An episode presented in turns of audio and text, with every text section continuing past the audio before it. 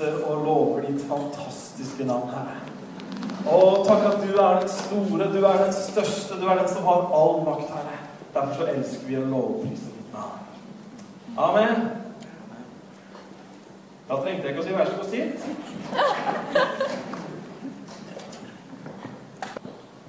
Det er eh, kjempebra å se dere alle sammen.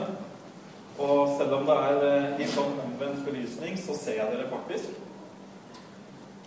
Sitter du godt? Ja.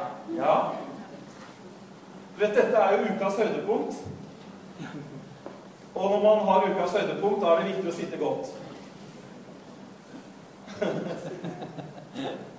Det er sånn vet du, Når det er en ekstra god film på TV, da sørger du for at eh, putene er dunka litt i, pleddet er på plass.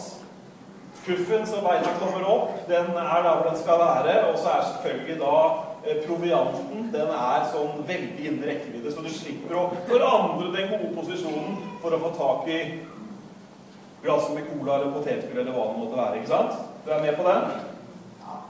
Det var utrolig sånn eh, Ja. vi driver og bygger der hvor vi jobber, der vi jobber ut, og der er det noen sånne hjørner hvor det ligger en del isolasjon. Når jeg står og snakker inn i den. Det var litt sånn eh, ja. Se her, nå knar vi fantastisk. Ukas høydepunkt. Ja, For all verden kaller du det ukas høydepunkt. Er det fordi at det er du som preker i dag? Nei, det har ingenting med det å gjøre. Dette er ene og alene ukas høydepunkt fordi at vi skal dele den levende Guds ord sammen. Og hvis det er én ting som kan hjelpe oss, hvis det er én ting som kan gi oss ny inspirasjon, hvis det er én ting som kan gjøre noe godt i livene våre, ja, da er det Guds ord. Yes. Hvis det er en ting som kan tale sant inn til livet vårt, hvis det er en ting som kan gjøre akkurat det vi trenger, så er det nemlig Guds ord når det er forkynt. Derfor så kaller jeg det ukas høydepunkt. Jeg føler meg privilegert som får lov til å si noe i dag. Jeg følte meg privilegert i går når jeg satt noen timer og forberedte meg. Jeg følte meg privilegert når jeg måtte bruke litt tid til morgenen i dag fordi jeg ikke ble ferdig på timene i går. Så tenkte jeg den levende Guds ord.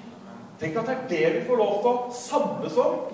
Og det er jo noe med dette ordet da, siden folk har holdt på og møttes rundt Guds ord i århundrer og årtusener opp igjennom. For det skjer noe. I Oslo nå så er det en sånn liten sånn Guds ord-bevegelse. Vet ikke om det er det de kaller seg, men på noen helt vanlige trøtte ukekvelder så samles det flere titalls, jeg tror det er opptil et par hundre ungdommer. Det er ikke noe stæsj, det er ikke noe føss. De sitter og hører Guds ord lagt ut av mennesker som Gud har utrusta til å dele Guds ord. Hvorfor gjør de det? Det er ikke hipt på noen som helst sånn ytre måte. Men Guds ord er levende. Det gjør noe med oss. Så Da fikk du bakgrunnen for at jeg var så frimodig og kalte dette ukas høydepunkt. Nå har Stig sagt i dag at vi skal ikke være innbilske. Men jeg har merka at det har vært borte da, Stig. Ja. Heldigvis. Jeg tenkte skal skulle være borte så lenge, men heldigvis gikk tida fortere enn jeg hadde trodd. Plutselig så var du tilbake. Ja vel. Det var et sånt testbilde, det, som du kan eh, bare Det bare se om det var bilde, så det, er, eh, det kan du bare ta bort så lenge. Vi kan avsløre tittelen vet du, før tittelen egentlig er der, osv. Dere, I dag så har jeg lyst til å snakke med dere om eh, noe som jeg har tenkt på mange ganger i mange år. Jeg har tenkt på det i, 12, i 2012 og i 2011, og jeg har tenkt, på det mange år før det. Og jeg har tenkt mye på det i det siste, og jeg har tenkt enda mer på det i det aller siste, hvor jeg har sagt ja til å være med i lederteamet i forsamlingen her. Da har jeg tenkt ekstra mye på dette her. Og det jeg har lyst til å snakke med dere om i dag, er faktisk det vi er her nå. lyst til å snakke om menigheten. Det er litt merkelig med menigheten, for ofte så trekker vi paralleller til menigheten eh, og andre organisasjoner. Vi har mange organisasjoner. Vi har eh, fagforbund, vi har eh, interesseorganisasjoner, vi har sportsklubber. Vi har veldig mye. Men det som er så merkelig med menigheten, er at det er den eneste organisasjonen som eksisterer for de som ikke er medlemmer. Ok? Ja, ja, selvfølgelig, den eksisterer jo for deg også. Men hovedmålet til denne organisasjonen er ikke-medlemmene. Altså som i ytterste konsekvens. Slapp av, du er, du er medlem, og noen skal bli medlem, og noen har akkurat blitt medlem. Og det er vi fantastisk glad for. Det skal vi si mer om neste søndag. Men i bunn og grunn så eksisterer menigheten for de som ennå ikke tror. For de som ennå ikke har hørt. Det er grunnen til at lederteamet møtes hver uke. Det er grunnen til at vi ber eh, noen sikkert flere ganger om dagen. Det er grunnen til at vi holder på med alt det vi gjør. Fordi vi ønsker å nå de som er der ute. Og med bakgrunn i det så har jeg lyst til å snakke om tre-fire ting som jeg tror virkelig av hele mitt hjerte Og det er ikke bare noe jeg fant på, men jeg tror virkelig, når jeg ser hvordan den første menighet fungerte, når jeg ser hvordan sunne menigheter i dag fungerer, så har jeg lyst til å snakke om fire ting som jeg tror er beskrivende for hvordan menigheten ser ut ser ut for oss som er der, og ser ut for de som kommer innom. Syns du det høres interessant ut? Veldig bra. For det første og Da må du trykke på knappen, Sebastian. Så tror jeg at menigheten skal være levende. Jeg tror at menigheten skal være levende. Vet du hva? Hele greia dreier seg nemlig i denne boka her om liv. Hele boka dreier seg om liv, å være levende fra A til Å. Hva sier Jesus sjøl? Den som har Sønnen, har Den som ikke har Sønnen, har ikke livet. Dere søker den levende blant de døde, fikk kvinnene beskjed om. Jeg tror at menigheten skal være et sted hvor det koker, hvor det syder, hvor det bare bugner av liv. Er du enig? Ja, hvis det er liv i deg, så var du kanskje enig. Kjempebra. Du skjønner at hele boka, hele budskapet, hele essensen er nemlig det motsatte av død, som er liv. Et av mine favorittvers er i apostlenes gjerninger. Når, de, når, Peter holder talen, og så forteller han om Jesu død og oppstandelse, så sier han For det var ikke mulig for døden å holde på. Jesus lever. Det er et gammelt slagord som ikke vi omgir oss så veldig mye med i 2013, men det har vært et slagord for troende mennesker opp gjennom alle tider. Han lever! Har vært en hilsen blant troende i samfunn hvor de har levd i undertrykkelse. Så har de hatt den derre 'Han lever! Jesus lever!' Og det var det er deilig å si det. Han lever. Ja, han var død. Ja, han led på korset. Han døde, men så har han stått opp igjen og lever. Menigheten skal være et sted, dere. Og det er det i stor grad, men kanskje det kan bli det enda mer. Men menigheten er et sted hvor du skal syde og koke, hvor du skal være åndelig liv. Det er jo ingen som er interessert i å bli med på noe som er dødt og kjedelig. Jeg møtte opp i, eh, på møte i Velforeningen i fjor. Det gjorde at jeg ikke møtte opp på møte i Velforeningen i år. Det var jo ikke noe liv.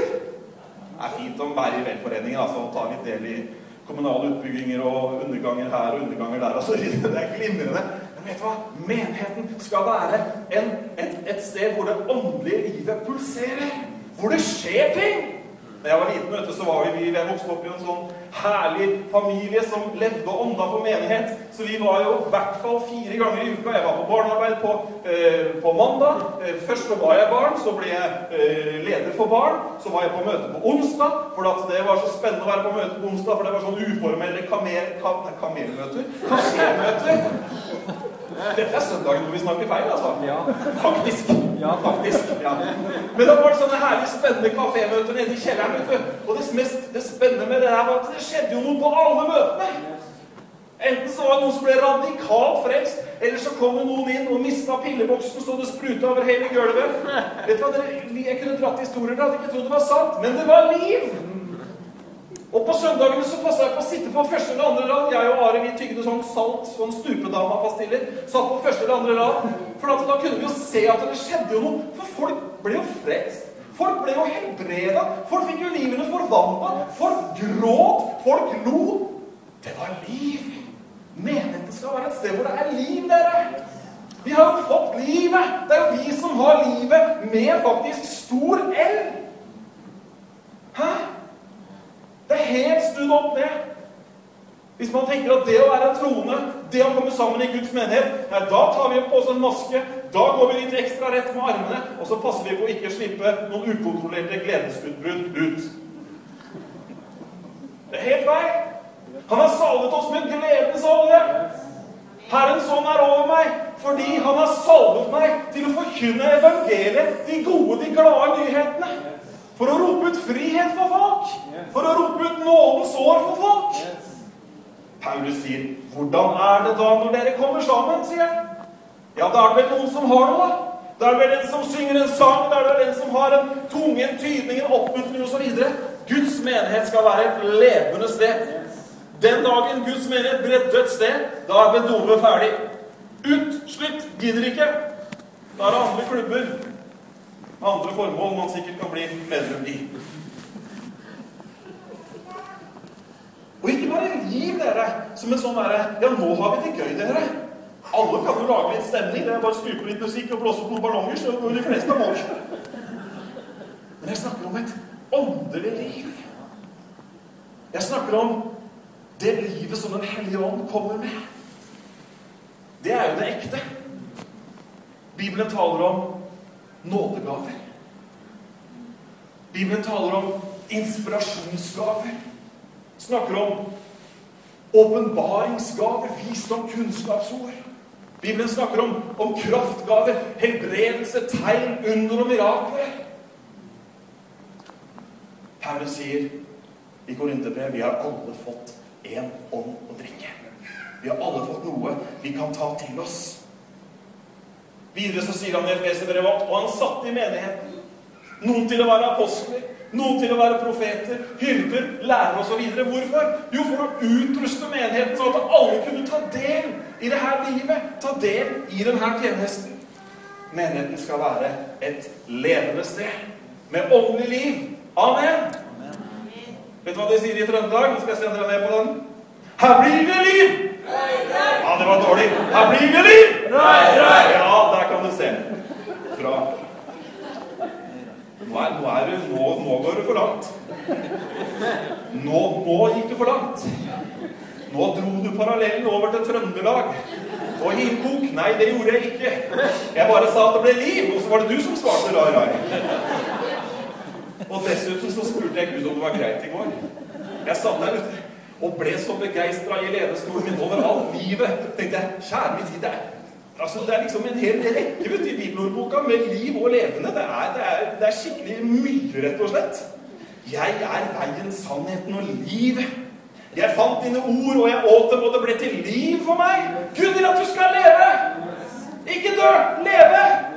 Ikke litt liv. Liv i overflod. Herlig. Liv i overflod. Da har du nok til å dele til de rundt deg. Veldig bra. Hva var det Jesus tilbød dama som var og henta vann? Levende vann. Ikke litt vanlig vann, men levende vann. Det er forskjell på liv og død. Derfor så sier Bibelen også at når vi kommer til tro, så går vi over fra døden til livet. Yes, veldig bra. Menigheten skal være et sted som koker av liv åndelig liv. Yes. Vi har ikke tid til å ta alle nådegavene og alle eh, tjenestegavene osv. Det får vi ta en annen gang. Men eh, åndens liv, det finnes der. Og Paulus råder oss til og med, oppfordrer oss faktisk sterkt, til å søke de åndelige gavene med iver. La oss fylle av livet. Yes, da er vi ferdig med 25% skal vi ta de neste? Ja. ja. Ok. For det andre så tror jeg at menigheten skal være fungerende. Eller funke, da. Menigheten skal funke, skrev jeg egentlig først. Og så tenkte jeg det er ikke alle som vet hva funke er. Men jeg, jeg tror ikke at menigheten skal være fungerende. Og da skal jeg forklare hva jeg mener med fungerende. For det dreier seg om å være fungerende i forhold til det som er menighetens oppdrag. Menighetens oppdrag det er, for å spole tilbake til innledningen når jeg sa at menigheten er en organisasjon for de som ennå ikke tror Menighetens oppgave er jo å vinne de som ikke tror. Jesus sa 'Gå derfor ut i all verden' og forkynn evangeliet for hele skapningen. Den som tror og blir døpt, skal bli frelst, men den som ikke tror, skal bli fordømt. Det er Jesu klare befaling om hva det er du og jeg skal drive med på en eller annen måte. Gå ut og forkynn. Menigheten må være et sted som fungerer som forkynner. Det må være evangelistisk fungerende. En menighet som ikke funker i å forkynne evangeliet sånn at andre mennesker kommer til tro, den funker ikke. Den gjør ikke oppdraget.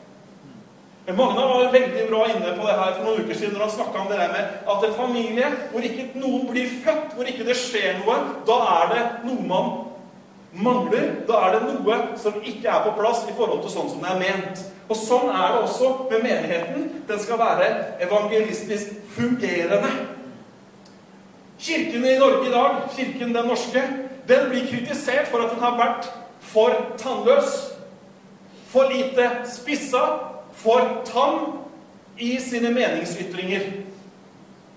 Menigheten, eller Kirken har ikke hatt en oppgave å være fortellende eller diskuterende. Menighetens oppgave, kirkens oppgave, er å forkynne. Å forkynne betyr faktisk å proklamere. Det betyr å være frimodig i kommunikasjonen av evangeliet. Og det skal menigheten være. Det er viktig at menigheten alltid Og det her, når man sier forkynnelse, så tenker man alltid at ja, men det er jo en som står på en prekestol. Nei, forkynnelse kan være så utrolig mange ting. Det Stig fortalte om i stad, i den herlige drømmen som han hadde, det var en situasjon hvor evangeliet ble forkynt. Paulus han er veldig tydelig når han underviser om frelse i Romerne 10. Så sier han 'Hvordan skal de få høre', da? Det står i, i Romerne 10, 14. Hvordan skal de påkalle ham som ikke de har Vi skal slå opp, så skal du få hele greia. Veldig viktig at menigheten holder evangeliet fram at det forkynnes. Hvis du har Bibelen, så kan du slå opp med meg. I Romerne 10 så står det Hvordan kan de påkalle ham som ikke de er kommet til tro på? Og hvordan kan de tro på Han som de ikke har hørt? Og hvordan kan de høre uten at det er noen som forsyner? Vet du hva, Jeg har hatt noen eh, utrolige opplevelser på gatemøter rundt om i Europa. Jeg bare tar én sånn en sånn eh, eh, historie som jeg husker. Det var i Barcelona, på hovedgata i, i Barcelona, eh, La Rambla, så hadde vi et gatemøte. Kjørte på med musikk, vi hadde dramastykker, vi hadde dans. Og det, fort vekk så var det et par hundre mennesker som stilte seg i en ring der. Og det var, Gatemøter kan være forskjellige, men eh, der sto det mange og hørte. Og eh, hun som eh, preka, hun eh, hadde ikke preka på gata så mye før, så hun ble litt sånn i villrede når hun var ferdig med prekena si, og ingen gikk. Alle ble stående. altså Det var nesten som de hadde Det er helt sprøtt. Det er ikke noe sånn der eh, high fly, fly high-type, det veit du, men altså, de, de sto i denne store halvsirkelen og venta på mer.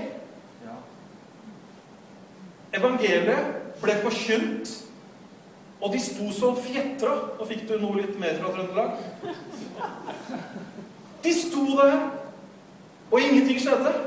Og jeg hadde litt sånn supervisor responsibility. Jeg var og sjekka flere team hvordan det funka. Så, så, jeg bare løp ganske fort rundt sirkelen og bare sa 'Kan jeg få mikrofonen?' Og så fortsatte jeg å forkynne evangeliet enda mer, enda lenger. Og de sto der fortsatt. Hallo! Gatemøte. Turistgate nummer én. Tusenvis av mennesker opp og ned. De sto som fjetra. Og jeg prekte lenge og vel. Og så la jeg fram mikrofonen, og så gikk vi rundt og begynte å prate med folk. Så møtte jeg et, eh, et flott, ungt par. Jeg tror hun var fra Belgia, han var fra Frankrike. og helt veldig sånn, du, du, Av og til så ser du jo på en måte hva slags folk det var. Det var skikkelige folk. De var på ferie i Barcelona. Og de sa kan vi få lov til å stille noen spørsmål. Ja, selvfølgelig kan dere stille noen spørsmål. Og hun sa bare at jeg vokste opp i kjernen av Europa i, opp, i det opplyste landet Belgia. Jeg har aldri før hørt det du sier. Jeg vil veldig gjerne få tenke nøye, nøye gjennom dette. Jeg vil veldig gjerne få flere svar. Dette har jeg aldri hørt. Ja, jeg har hørt om kirke, jeg vet om katedralene, jeg vet hvordan systemet fungerer, men jeg har aldri hørt det du sa i dag. Hvordan kan de høre, da, hvis noen aldri forkynner? Menigheten skal være et forkynnende sted. Ja. Et sted hvor Guds ord går ut, sånn at det kan treffe hjertene, sånn at folk kan komme til tro. Så de kan bli frelst. Så de kan få en evighet, så de kan få perspektiv. Det er det viktigste et menneske kan oppleve. Det er det. Det er ikke et fint hus og et godt liv. Nei, det å tro på Jesus, det å få syndene tilgitt, det å vite at Jesus døde for dem, det å vite at de kan bli en ny skapning ved å ta imot Jesu frelse, det er det viktigste et menneske kan oppleve. Og jeg har mange sånne opplevelser, ikke som jeg har hørt fra noen andre eller lest i en bok, men jeg har mange sånne opplevelser, unge europeere, som helt ærlig sier 'Jeg har aldri hørt det før'. På et kontinent hvor visse store kirker står veldig sterkt, både i skole og samfunn. Evangeliet må forkynnes. Amen.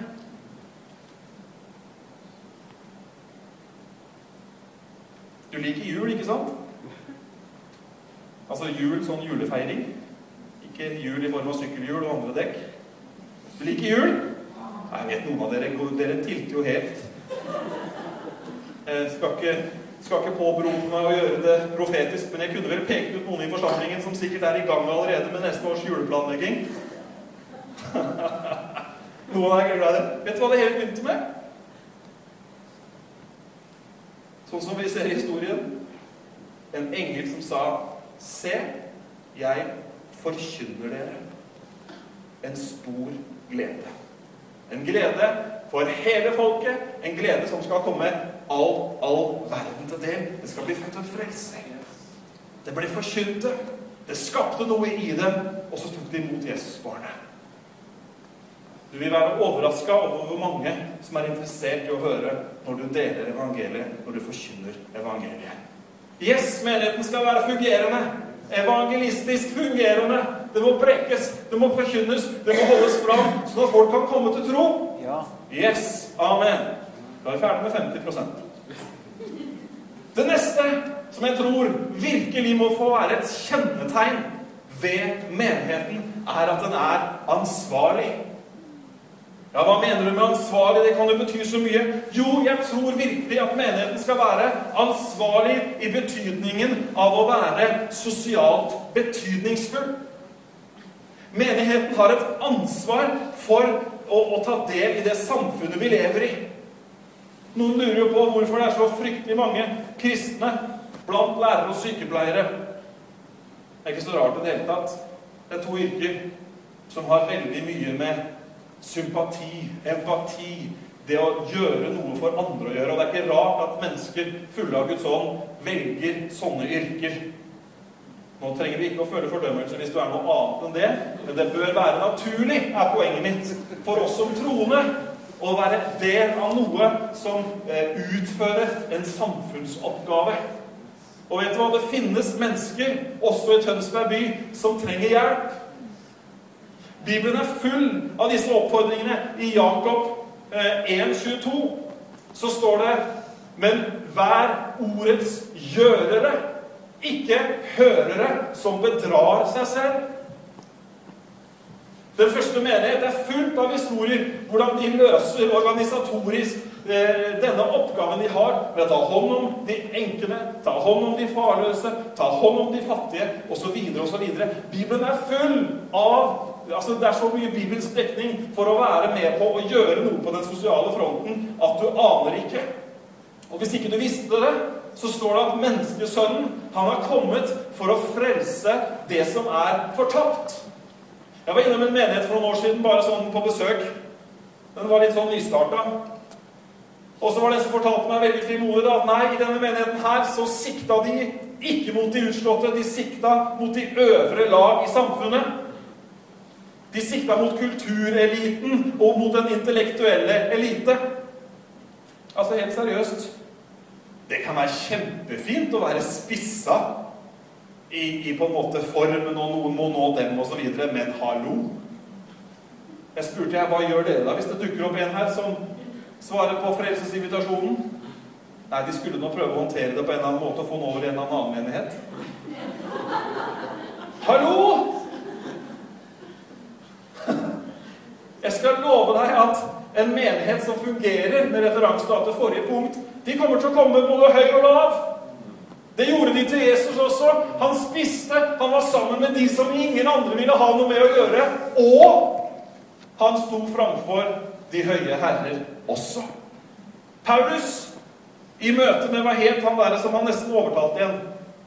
Kong eh, Stig, du som er lei. Agrippa. Agrippa, ikke det? Jo, Agrippa. Driver og diskuterer med Agrippa, vet du. Og så sier kong Agrippa du overtaler meg nesten til å bli en kristen. Paulus forkynte, vet du. Og så tok de seg av de andre også. Jesus ble kritisert for det. Men som Guds menighet, som himmelens ambassade her på jord, så skal vi fortsette å vise omsorg og sann kjærlighet til alle som trenger det. Dette er litt rart. Noen ganger så ber vi Herren om å frelse sjeler. Men når åpna vi sist hjemmet vårt for noen vi ikke kjente veldig godt, eller noen som kanskje hadde behov? Vi proklamerer vet du, at evangeliet må forkynnes for hele skapningen, så enn kan komme. Og det neste vi gjør, er å skrive et leserinnlegg mot asylmottaket som er planlagt i vårt nabolag. Hallo? Vi har et ansvar. Hm. Ja da, vi kan protestere vilt, og det kan sikkert komme noen utfordringer, enten ved å ha kommunale boliger i nærheten eller andre ting, men gode min tid, kjære venn. Det finnes misjonærer rundt om i verden akkurat nå som utsetter seg for 3000 ganger mer fare hver bidige time enn det de gjør om vi har noen litt trengende boende litt tett innpå oss. Er ikke det sant? Hva med de ensomme? Samfunnssykdom nummer én, sier noen. Ensomme mennesker, alenemødre, gamle som bare sitter der og venter på at noen, det vil jo da altså si du eller jeg, skulle finne det for godt å besøke dem. Jeg har Eller jeg har jo ikke det, da, men pappa hadde en eh, en uh, gammel tante. Noen av dere kjenner jo her. Hun gikk jo her i forsamlingen for, for noen år siden. Tante Sonja. En liten uh, artig dame fra Nord-Norge som kunne sette ord på ting med eh, sånn sving som bare nordlendinger får til. Liten og unnselig i forsamlingen. Det ingen visste, var at hun hadde et par håndfull gamle mennesker som hun ikke hadde noen relasjon til i utgangspunktet, som hun ikke hadde kjente, men som hun besøkte på noen av byens sykehjem. Og det er bare himmelen som vet hvor mange av de hun leda til tro på Herren før de gikk bort. Skjønner Det finnes noe som vi alle kan ta del i. Ja, men vi har jo Nav. Ja, det er mange som faller utenfor Nav. Noen andre må da ta ansvar. Nei, kanskje vi skulle ta ansvar? Noen må gjøre noe! Kanskje du skal gjøre noe? Kanskje jeg skal gjøre noe? Så tilby hjelp, barnepass, hundepass, hagearbeid. Vær der. Bry deg om noen andre. Og hele den oppfordringen jeg har kommet med nå, den får jo sin, sin berettigelse hvis vi tenker på historien om den barmhjertige samaritanen. Som kom over noen som trengte noe og som ikke var fra rett sted, som ikke burde ha gjort noe, osv. Men etter at de fine, fromme, religiøse herrene hadde passert, så kom det en som hadde Jesu hjertelag. Og så tok, så tok, han, seg, tok han hånd om denne her personen som hadde blitt overfalt, og som lå der overlatt helt til seg sjøl. Bibelen sier 'ha inderlig omsorg for hverandre'. Bibelen sier 'bær hverandres byrder'. Bibelen sier 'gi lys' til de som sitter i mørket og dødens skygge. Bibelen sier 'be for hverandre'. Bibelen sier 'legg vind på det som er godt for alle mennesker'. Hm. Det trengs vel ikke å si noe klarere enn det, men jeg tror på en menighet som tar ansvar. Amen. 75% er ferdige. Det siste jeg virkelig tror på, og som jeg er overbevist om at menigheten skal ha på plass, det er at jeg tror menigheten må være relevant. Jeg tror ikke bare at menigheten må være relevant, som om det er noe vi skal bli, men jeg tror at menigheten, jeg tror at evangeliet i seg sjøl, det er utrolig relevant. Hva betyr relevant? Hvis jeg skal definere det på en grei, folkelig måte, så betyr det noe som passer inn i en sammenheng. Eller noe som passer til noe. Og det er jo sånn at eh, det er jo veldig, det er et ganske sånn populært uttrykk da, sånn innenfor menighetskretser at vi må være relevante. Og det skal vi absolutt være. Jeg tror virkelig at eh, mange menigheter rundt om i verden de har en vei å gå i forhold til det å gjøre sin uttrykksform relevant. Å, kjære Gud, jeg var et sted og skulle preke Guds ord. Jeg hadde aldri vært der før. Og dette her var for noen få år siden. Vet du hva? Jeg gikk rett inn i, i 1968.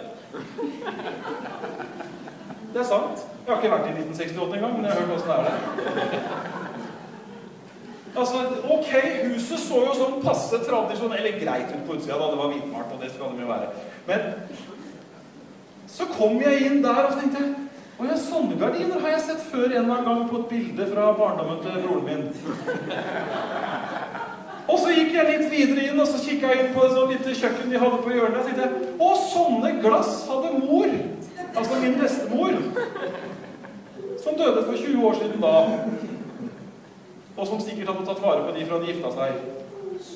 Og så kom jeg videre inn i møtesalen, for det er sånn sånne gamle møtehus her. Det er jo en gang, og så er det jo en lillesal som kan brukes som en lillesal. Og så er det kjøkken på høyre og venstre side, og så går du inn i hovedsalen. Og det var jo som et museum fra 1968. Hvis Jeg håper de tok vare på alle de stolene, for nå kunne du fått bra pris på sånn retromarked. Men det var jo greit nok, da. Og nå må du bære over med meg at jeg latterliggjør noe som er sånn, men det har et poeng. Fordi at når møtet begynte, så var, jeg, så var fortsatt de som sa noe, og som sang noe, og som gjorde noe på det møtet, de var fortsatt i 1968, de også. Eller kanskje 1938. Hallo! Det var kjempefint. Men når du står der på 2000-tallet og velger å si 'eder' istedenfor 'dere', da sliter alle de over 45 med å henge med. Noen hang ikke med her i året. Var eder. Nei, det var i 1931-oversettelsen. Så står det eder istedenfor dere i Bibelen. Hallo! Og jeg som på en måte tross alt da er vokst opp i dette her og vet noen ting Jeg kunne henge greit med, men jeg skulle, altså hadde jeg tatt med noen av omgangskretsene De hadde jo lurt i all verden på hva slags språk dette var. Så det er én ting når det gjelder å være relevant. Og der har, vi, der har vi sikkert her også noe å gjøre, men, men, la oss ikke bli slitne av det. Men la oss tenke på hvordan man sier noe, sånn at folk kan henge med. Ikke sant? Ikke sant? Ja. Vant til skoleelever, de svarer. Også når du ikke ber dem. Men du skjønner at eh, når jeg snakker om å være relevant, så er det det praktiske jeg snakker om også. Men det er noe som vi kan kalle for å være profetisk relevant. Det er noe som heter å være relevant i forhold til det som er, det bud, det som er budskapet, det som er essensen. Jesus han var profetisk relevant. Profetisk relevant betyr å være til stede inn i den settingen med det du har. Jesus gikk rett inn i menneskers situasjon fordi han var full av Guds ånd, så så han hva de trengte, og så ga han dem det de trengte, og så ble livet forvandlet. Jf. drømmen som du hadde, Stig. Det er å være profetisk relevant. Og være så full av Guds ånd, så mottagelig for det han sier til deg, at du kan snakke rett inn i situasjonen til en gruppe mennesker eller til enkeltmennesker og bli dem til hjelp. Og det trenger menigheten å være, dere. Vi trenger å være profetisk relevant. Evangeliet er relevant. Ja da, glassa fra 1938 og gardiner fra 1968, det har forandra seg. Men evangeliet, essensen i budskapet til Jesus, det er akkurat like relevant for menneskeheten i dag som det det var for mange, mange hundre år siden. Mennesker har fortsatt behov for tilgivelse. Mennesker har fortsatt behov for å få syndene sine tilgitt. Mennesker har fortsatt behov for å, få et, eh, for å få et håp, for å ha et perspektiv for livet sitt. Alle de tingene. Så evangeliet i seg selv er relevant. Og hva er det Nå, er det, nå går vi over i litt sånn detaljerte ting, men når jeg snakker om profetisk relevant, så er det jo de innskytelsene Den hellige ånd gir deg og meg, sånn at vi kan gjøre budskapet relevant for folk. Er du med på tanken? Det trenger vi. Sånn at vi, fulle av Guds ånd, lede av Guds ånd, kan si det som passer inn, det som er relevant, inn i menneskers liv. Det er utrolig viktig. Paulus han oppfordrer oss veldig til dette her. I, i, eh, i Romerbrevet 13 så sier han f.eks.: Dette må dere gjøre da dere kjenner tiden. For nå er det på tide å våkne opp av søvnen, sier han. Dette handler om å se verdensperspektivet. Det handler om å se frelsesperspektivet. Til alle tider så har åndsfylte, levende troende vært opptatt av De har hatt en nød for at mennesker må få høre evangeliet mens de lever, sånn at de kan ta imot Jesus. Den hører man ikke mye til i dag, men det er viktig. Jeg fikk en utrolig ubehagelig utfordring i slutten av tenåra mine, eller kanskje jeg var blitt 20. Det var et familiemedlem eh, i familien min som eh, holdt på å dø. Fikk et eh, det her, Jeg har ikke fortalt det så mange, men det var fryktelig ubehagelig. Syns jeg. Eller veldig utfordrende, men det lærte meg noe. Han hadde fått et hjerteinfarkt eller et eller annet, lå på sykehuset, og ingen visste hvordan det her ville gå. Jeg tror jeg var 19 eller 21 eller noe sånt. Så ringer farfar til meg. Og for de som ikke kjenner farfar eh, Predikant og menighetsleder og bibelskolerektor og en, en, en ordets eh, tjener. En Guds tjener gjennom hele livet sitt. Han ringer til meg og så sier han, Bent Ove, har du hørt hva som har skjedd? Han var et eller annet sted i verden. Han var i Japan eller på Vestlandet. Et eller annet, en av de to. Det var faktisk Japan. Eh, jeg tenker, tenker, tenker, Og så ringer han og sier han, 'Bent Ove, har du hørt hva som har skjedd?' 'Ja', sa. 'Jeg har hørt hva som har skjedd.' Jeg tenkte eh, Eller, ja, ja, jeg har hørt hva som har skjedd. Så sier han, 'Du, du må dra på sykehuset til ham.' Ja, det hadde jeg jo kanskje tenkt å besøke ham. Han er jo slektningen min, osv. Du skjønner det at jeg er neimen ikke sikker på om han har sin sak i orden med Gud. Og nå vet vi ikke om han kommer til å leve, så du må gå til ham, og så må du snakke med ham om disse tingene. Han kjenner frelsens vei, men jeg vet ikke om han har tatt imot. Du må dra til ham, og du må hjelpe ham. Har du fått en sånn utfordring per telefon noen gang? Det var en nød i farfar. Tenk! Et liv kanskje er i ferd med å dø ut, og så har vi ikke forsikra oss om at han har tatt imot. Vil du høre resten av historien? Jeg dro på sjukehuset. Vet, det er, det er, noe, av det, noe, av det, vanskeligste er å forkynne for sine aller nærmeste. ikke sant? De du kjenner, og du vet motargumentene og alt mulig. Jeg dro på sykehuset, og for å gjøre en lang historie kort Jeg var kjempeglad for at han var så bra som han var. For jeg slapp å forkynne. Og jeg er ærlig med det. Uh. Alle, alle, pros, alle utsikter til god bedring er det. Så jeg slapp. Du kan le, du. Men det var tomt.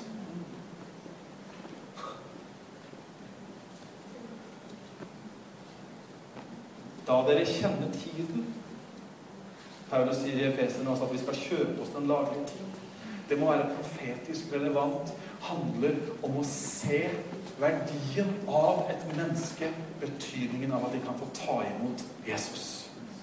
Vet du hva? De gode nyhetene er også at du og jeg, når vi tar imot Åndens input og ledelse, så gjør den oss relevante i forhold til den tida vi lever i.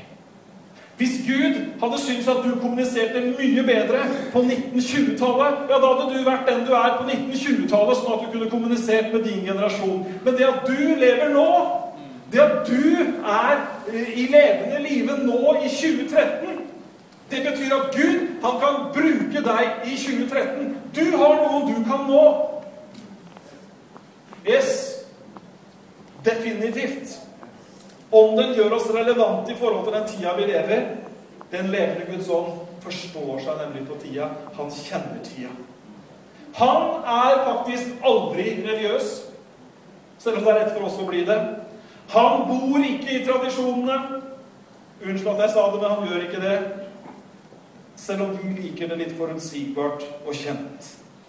Ånden kjenner alle ting og vil åpenbare det for oss, sånn at vi kan være kanaler for ham og nå mennesker med Guds kjærlighet, med Guds kraft, i dag. Yes. Hm. Vet du hva? Guds endelige, Guds ultimate plan, det var ikke at Jesus skulle komme til jord være her noen år, dø, stå opp igjen og fare opp til himmelen. Det var aldri meningen, det er ikke meningen, at historien skulle slutte der. Men Guds ultimate mål er nemlig at Jesus Kristus skal være sentrum i menigheten, og at menigheten skal forkynne ham, sånn at mennesker kan komme til tro. Derfor så står det i Efeserbrevet at Guds mangfoldige visdom står det i Efesene 4. Unnskyld, Efesene 3 er det. står det at eh, Guds mangfoldige visdom nå ved menigheten skal bli gjort kjent. Dere, For å oppsummere de fire punktene Vi skal være en levende kirke som forkynner de gode nyhetene, som viser ansvar for våre medmennesker og som forstår behovene, og som forstår tiden som vi lever i. Amen. Amen. Levende, halleluja, fungerende, ansvarlig og relevant. Amen. Skal vi gjøre som vi pleier? Samle oss i bønn, og så har sikkert lovsangerne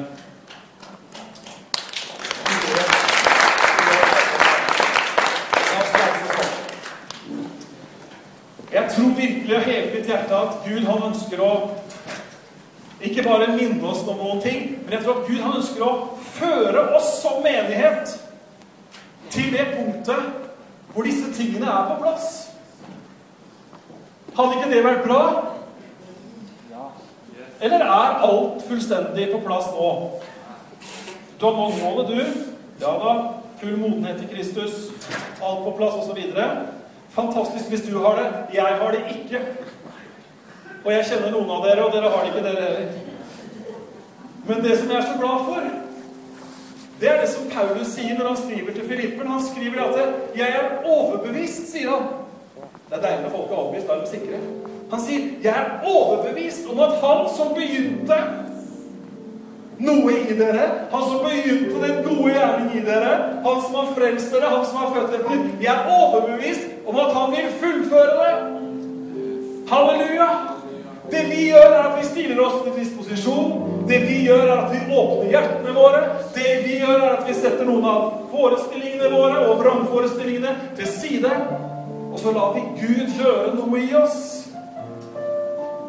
Jeg er så glad for at Gud, han taler til folk. Jeg kan levere min tale, men så fortsetter han å tale til oss.